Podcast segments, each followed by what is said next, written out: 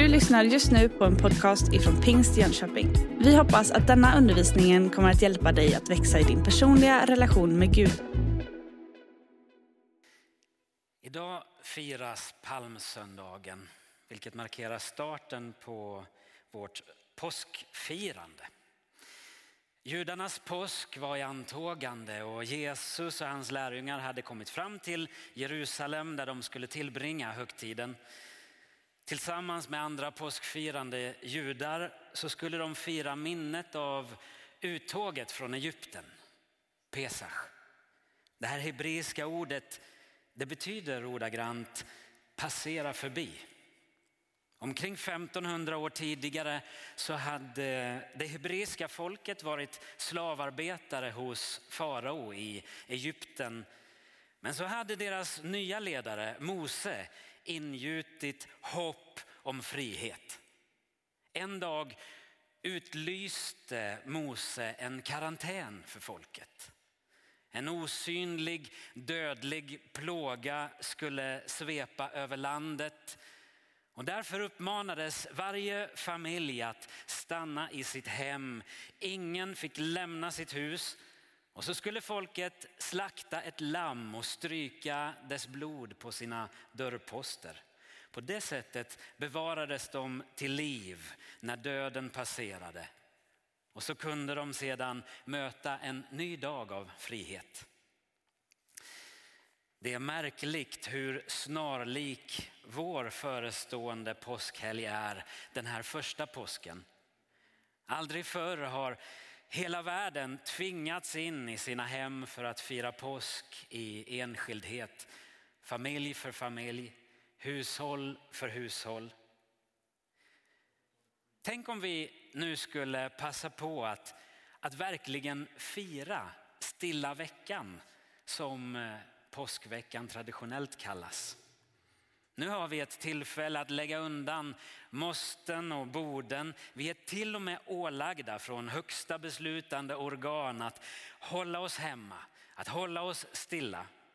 Världens stora metropoler har förvandlats till lugna ökenstäder. Utsläppen minskar och det sägs att man numera kan se fiskarna simma i Venedigs kanaler eftersom bottenslammet har lagt sig till rätta när båttrafiken har avtagit.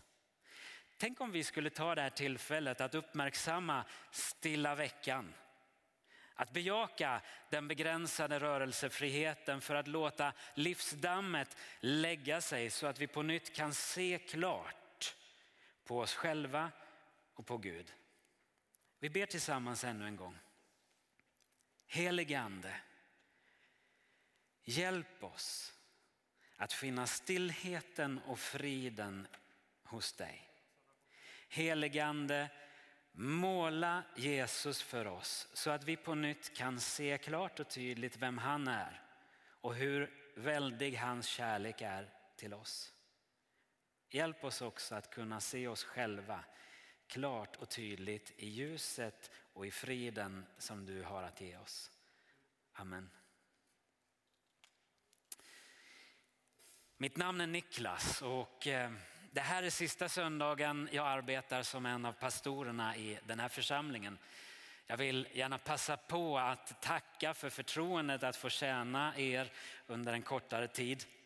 Som jag tidigare har berättat så har det mitt i livet dykt upp ett, en ny möjlighet. Jag gör just nu ett skifte från att vara teolog till att bli pomolog. Det är mitt stora intresse för natur och odling och måltidsupplevelser som har fört mig in på spåret att bli äppelkännare.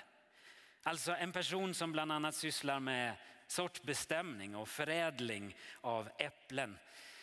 De senaste månaderna har jag påbörjat mitt nya arbete som mustmästare i Äppledalen mellan Gränna och Huskvarna.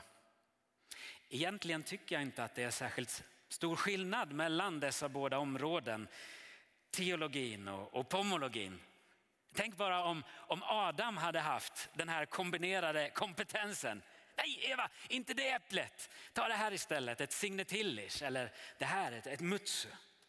Jag hade räddat världen, eventuellt. som äppelkännare så hör det också till mina intressen att eh, klättra i träd. Och det skulle jag vilja göra tillsammans med er den här stunden. Jag är ombedd att tala om motstånd i det andliga livet och jag väljer då att tala om vad vi ibland misstar som motstånd i vårt liv med Gud. Föreställ dig två träd.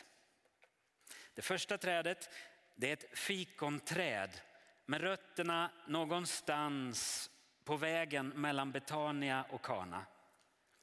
Det andra trädet det är en sykomor med rötterna i Jeriko. Under det första trädet, fikonträdet, sitter Natanael Fikonträdet används ibland i den bibliska kontexten som en bild på nationen Israel. Att sitta under fikonträdet var en rabbins bild för att be och studera skriften. Fikonträdet med sina tjocka breda blad gav ett gott skydd mot solen. Och därunder sitter Natanael. Han har markkontakt. Han är en person som är grundad i skriften. Natanael är en person som är analytisk. Vi skulle kunna kalla honom skeptisk. Men precis som teologi och många andra kunskapsområden så handlar pomologi egentligen inte om kunskap, det handlar om kännedom. En god pomolog växer genom att skaffa sig kännedom, genom att utveckla smakminnet, känseln av frukten. Det räcker inte bara att läsa om frukten i en bok. Och detsamma gäller alltså också inom teologin, läran om Gud. Du och jag är inbjudna till en relation med Gud. Jesus säger till oss, kom och följ mig.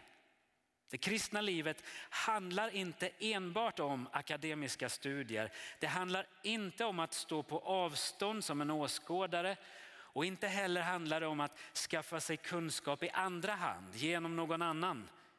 Nej, vi är inbjudna till en personlig relation med Gud för att lära känna honom. Inte bara att veta saker om honom. Jesus säger kom och följ mig. Den inbjudan når fram till Natanael som sitter under fikonträdet. Det är Filippos som söker upp Natanael och säger till honom, vi har funnit honom som det står om i Mose lag och hos profeterna. Jesus, Josefs son från Nasaret. Natanael frågar skeptiskt om det verkligen kan komma något gott från Nasaret. Men Filippus drar med honom. Följ med och se. När Jesus såg Natanael så är det som att Jesus bekräftar Natanaels person och den något kritiska förhållningssättet som Natanael har. Jesus säger om honom, där är en sann israelit. Jag såg dig under fikonträdet Natanael. Hur du studerade skrifterna, hur du söker sanningen. Du är en sann israelit, en som är utan svek och falskhet. En som är utan svek och falskhet. En som inte låtsas. En som inte hycklar. Jag är ledsen att behöva erkänna det, men jag identifierar mig lättare med personen som sitter i det andra trädet, i psykomoren. Precis som jag är det en kortväxt man som tycker om att klättra i träd, inte bara sitta på marken under trädet. Dessutom, det går inte att säga samma sak om honom som han gjorde om Natanael. Sakaios i psykomoren, han var allt annat än ärlig och sann. Han hade rykte om sig att ljuga, bedra och hyckla. Han krävde mer än vad som fanns täckning för. Det man måste beundra hos denna kortvuxna tullindrivare det var hans mod att trotsa skammen i att vara utstött. För när Jesus kom till byn, då ville han vara där. Han klättrade upp i trädet för att kunna skymta Jesus över folkmassan. Och till sin stora förvåning fick även Sackaios höra Jesu inbjudan till gemenskap. Skynda dig ner, jag vill gästa ditt hem, sa Jesus till Sackaios. Och det kom att bli ett möte som fullständigt förvandlade Sackaios. Han öppnade sitt hjärta och han skänkte med ränta tillbaka allt som han stulit från andra. Jesu kallelse till gemenskap och efterföljelse inkluderar både de ärliga och hycklarna. Får jag fråga dig, vid vilket träd finns du? Sitter du på marken bredvid Natanael eller klättrar du i trädet tillsammans med Sackaios? Är du en person om vilken man säger, där är en sann kristen? Eller är du en person om vilken man tänker, vilken hycklare?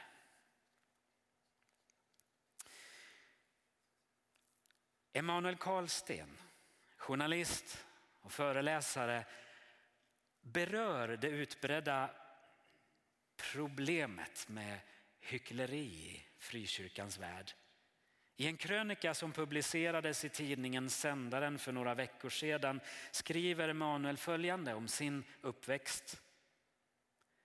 Jag är 37 år och tänker mycket på allt det kyrkan gett, hur lite jag hade varit det jag är utan alla de erfarenheter och möjligheter kyrkan gett mig. Anledningen att jag själv lämnade kyrkan var slitningen mellan tro och ord som påstod radikala saker men som nästan aldrig levdes ut i praktiken. Jag klarade inte av att varje söndag lovsjunga om att jag ger dig mitt liv för att under kaffet diskutera vilken charterresa det blir i år. Jag stod inte ut med att höra predikningar om att vara människofiskare men aldrig fiska. Jag klarade inte av att läsa en bibel full av radikala utmaningar men leva vaniljglass. Jag fick inte ihop det. Jag kände mig som en hycklare. Inte för att jag inte fick nåd, förlåtelse, fler chanser utan för att jag förstod att jag aldrig skulle vara beredd att leva det liv vi sjöng om. Var ens någon av oss det? Allt blev övermäktigt. Jag var tvungen att ta ett gäng steg tillbaka. Tolv år senare undrar jag nu, kan jag vara med igen? Alltså som en av dem som trivs i hjulspåret. Som ser det lite som en familjeklubb, ett alternativt Ikea. Som kommer in för gemenskapen, kulturen, innebandyn, maten men duckar för det andra. Skulle jag sticka ut? Eller skulle jag snabbt bli en i gänget? Jag vet inte vad som är värst. Emanuel låter som en Natanael när han nu i vuxen ålder beskriver sin försiktiga längtan tillbaka till kyrkan.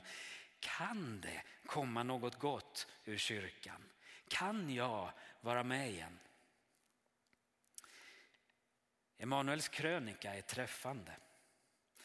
Inte bara för att han ger röst åt hundratals människor med liknande erfarenhet utan därför att han var ett av barnen som jag var ledare för under en tid i livet. Hur kunde det bli så? Varför fortsätter generationer av unga människor att lämna kyrkan de vuxit upp i? Om Emanuels resonemang stämmer så beror det inte på att vår verksamhet skulle vara tråkig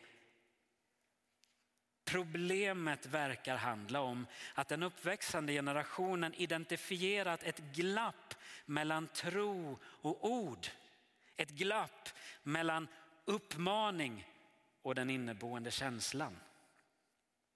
I den karismatiska kontexten verkar vi ha en tendens att behandla den helige ande likt en blöt filt som kastas över hela församlingen utifrån uppfattningen att alla i rummet ska uppleva samma sak samtidigt. Men sån är inte den helige ande. Den helige ande gör ett unikt individuellt verk i varje enskild person. I den karismatiska kulturen sysslar vi allt för ofta med att projicera önskade känslor på den gudstjänstfirande församlingen. Visst är det fantastiskt att vara här idag, upprepar mötesledarna och lämnar inget utrymme för andra känslolägen i lokalen. Hur lätt är det inte att teologin vi för fram blir begränsad till att endast handla om att Jesus är bäst och han gör allting bra, precis allting. Att matas med den undervisningen resulterar till slut i att man ifrågasätter om en andlig person överhuvudtaget kan ha en dålig dag. I sin bok Kännetecken skriver Magnus Malm om denna sortens andlighet som hyllar apatheia-idealet. Alltså synen att känslor är en störning som vi ska avvisa. Och där idealet är en människa som genom sin andlighet lärt sig att bemästra sina känslor så att hon varken är särskilt glad eller särskilt upprörd utan liksom flyter ovanpå det som händer. Magnus menar att den sortens andlighet kan vi möta i de mest skiftande miljöer. Allt ifrån framgångsteologins högoktaniga karismatiska miljöer till östreligionernas olika varianter av mental träning.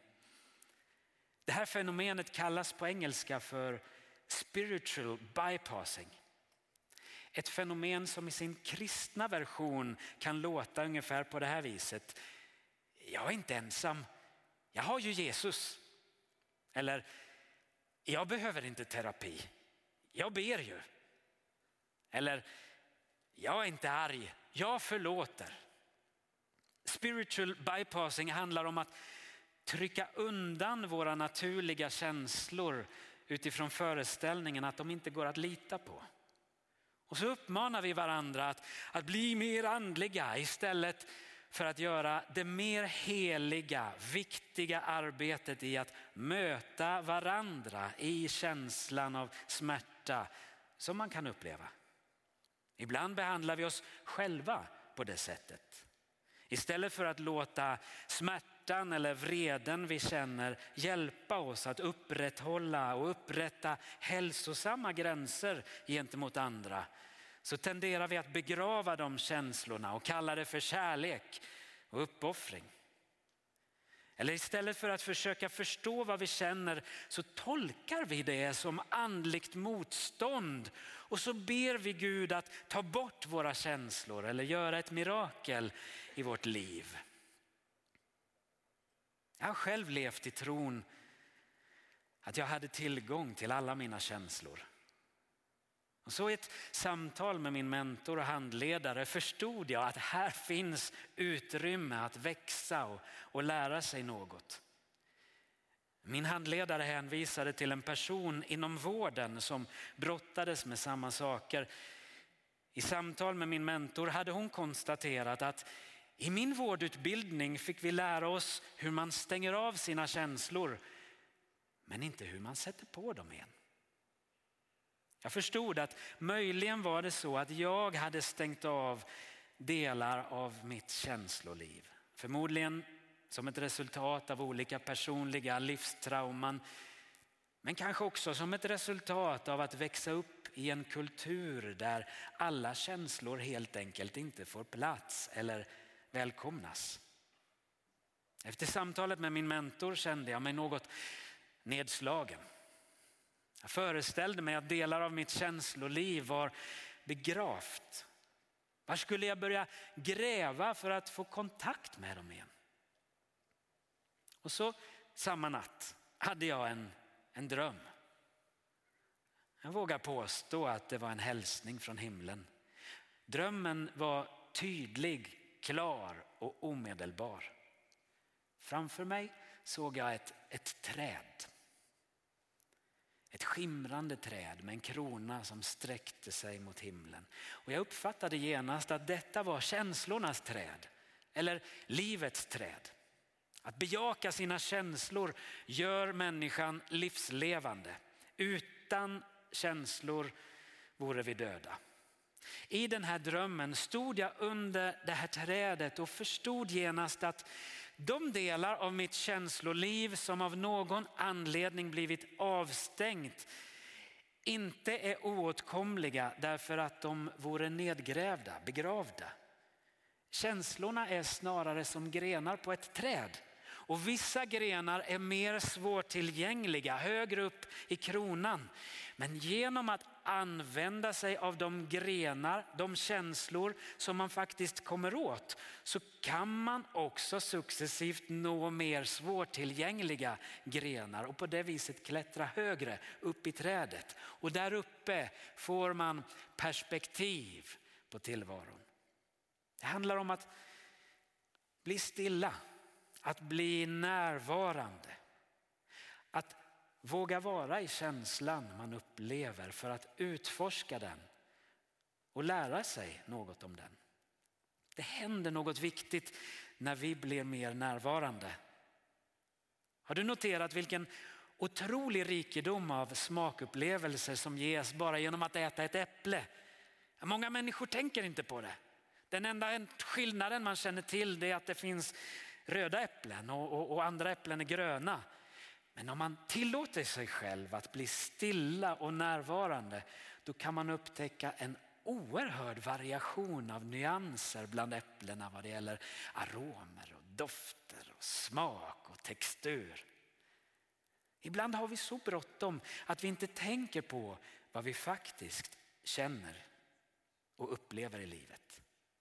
Och tidigare erfarenheter har lärt oss att undvika vissa känslor av rädsla för att göra oss illa. Men genom att undvika dessa känslor så kommer vi inte högre upp i trädet. Då går vi miste om utsikten, om helhetsperspektivet i livet. Jag föreställer mig att livets träd och kunskapens träd förmodligen växte sammanflätade i Edens lustgård. För av någon anledning så behövdes även kunskapens träd i lustgården. Kanske var det genom att använda sig av grenar på kunskapens träd som man kunde klättra och komma åt fler grenar på livets träd. Förbudet som Adam och Eva fick, det gällde bara att äta frukten på kunskapens träd. Vi behöver acceptera att det finns svåra känslor inom oss. Vi ska inte äta frukten av dessa känslor. Däremot kan vi använda oss av dess grenar som kan hjälpa oss att nå nya känslor på det goda trädet och på det viset komma åt det goda trädets frukt. Adam och Eva åt frukten på grenen skam. Sakaios däremot, han klättrade på grenen skam. Han använde känslan och lät den föra honom till Jesus. Det berättas om en religiös läromästare vars barn dog och över detta grät han intensivt. Hans lärjungar närmade sig honom och sa, Mästare, undervisar inte du om liv efter döden och att lidandet här i världen bara är tillfälligt? Läromästaren nickade och svarade ja. Men varför gråter du då? frågade hans lärjungar. Mästaren svarade, jag gråter därför att jag är ledsen. Så var det med Jesus. Han bejakade alla känslor. Han grät över Jerusalem. Han grät över sin vän Lazarus. Hans ilska drev honom att göra upp med månglarna i templet. Och hans glädje och nyfikenhet tog honom till festerna hos både de höga och låga i samhället. När vi hör Jesu inbjudan, kom och följ mig, då inbjuds vi att lära av Jesus sätt att använda sina känslor. Innan Jesus skyndade sig att återvända till sin himmelske far efter uppståndelsen, då dröjde sig Jesus kvar strax utanför graven. Han var angelägen att trösta Maria när du läser bibeltexten kan du höra hur han tröstar fram sorgen. När han säger till Maria, varför gråter du? Han hjälper henne att sätta ord på sin sorg, att vara kvar en stund i den känslan. För sån är Jesus. Du och jag, vi vill så ofta trösta bort sorgen hos den som sörjer. Vi säger gråt inte mer, tänk på något annat, ta dig samman. Men sån är inte Jesus. Han tröstar inte bort, han tröstar fram. Och på det sättet läker han våra sår. Han sätter inte bara på ett tillfälligt plåster. Hör du Jesu medkänsla? Han är personlig. Han viskar hennes namn, Maria. Och på samma sätt står Jesus utanför graven hos dig och viskar ditt namn. Han är din tröstare, din uppståndne räddare. Ett gott råd vi får är att lyssna till våra känslor och försöka avgöra början, mitten och slutet av känslan. Början, var kommer den här känslan ifrån? Varför känner jag på det här viset? Mitten, vad gör den här känslan med mig just nu? Slutet, vart leder mig den här känslan om jag följer den? Vill jag gå dit? På det här viset kan vi lära oss att lyssna till våra känslor, känslor och sortera dem inför Guds ansikte. På det här viset kan vi lära oss att klättra i trädet. Min vän, låt oss vara Natanael som vågar ha fötterna på marken utan att låta sig föras iväg.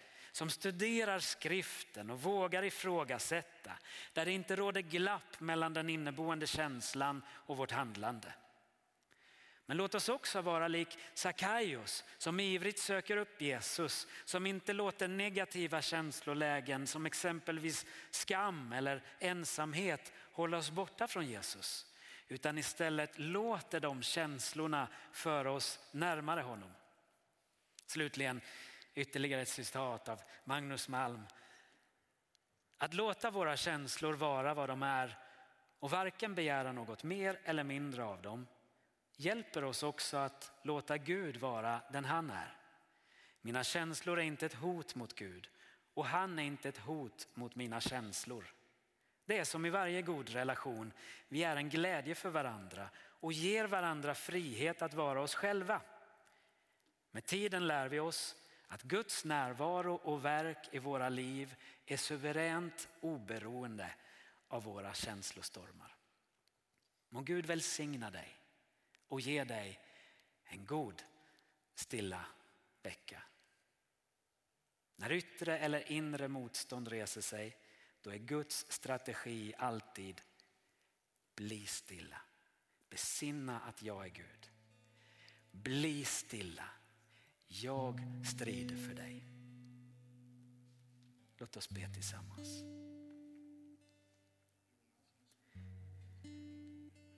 Jesus, tack att din kallelse till gemenskap och efterföljelse också gäller mig. Hjälp mig, hjälp var och en som lyssnar att höra din varma inbjudan. Kom och följ mig.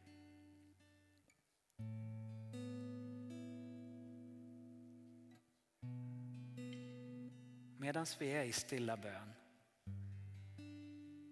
så vill jag uppmuntra dig den här dagen ge ditt ja till Jesus och svara på hans kallelse.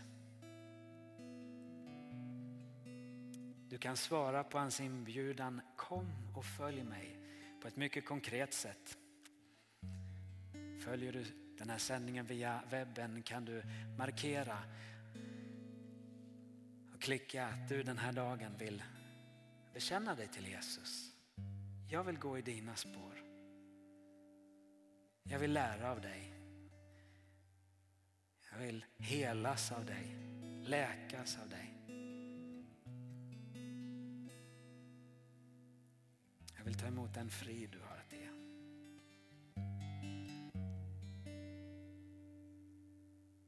Bli mer sann. Jesus, jag ber för var och en som den här förmiddagen fattar detta beslut. Tack att du är nära. Tack att du inte är långt borta från någon enda av oss. Det är i dig som vi lever och rör oss och finns till. Och jag ber Fyll nu varje hem, varje hjärta med din stillhet och din frid. I Jesu namn. Amen. Du har just lyssnat på en podcast ifrån Pingst Jönköping. För att få reda på mer om vilka vi är och vad som händer i vår kyrka så kan du gå in på pingstjonkoping.se eller följ oss på sociala medier via pingstikpg.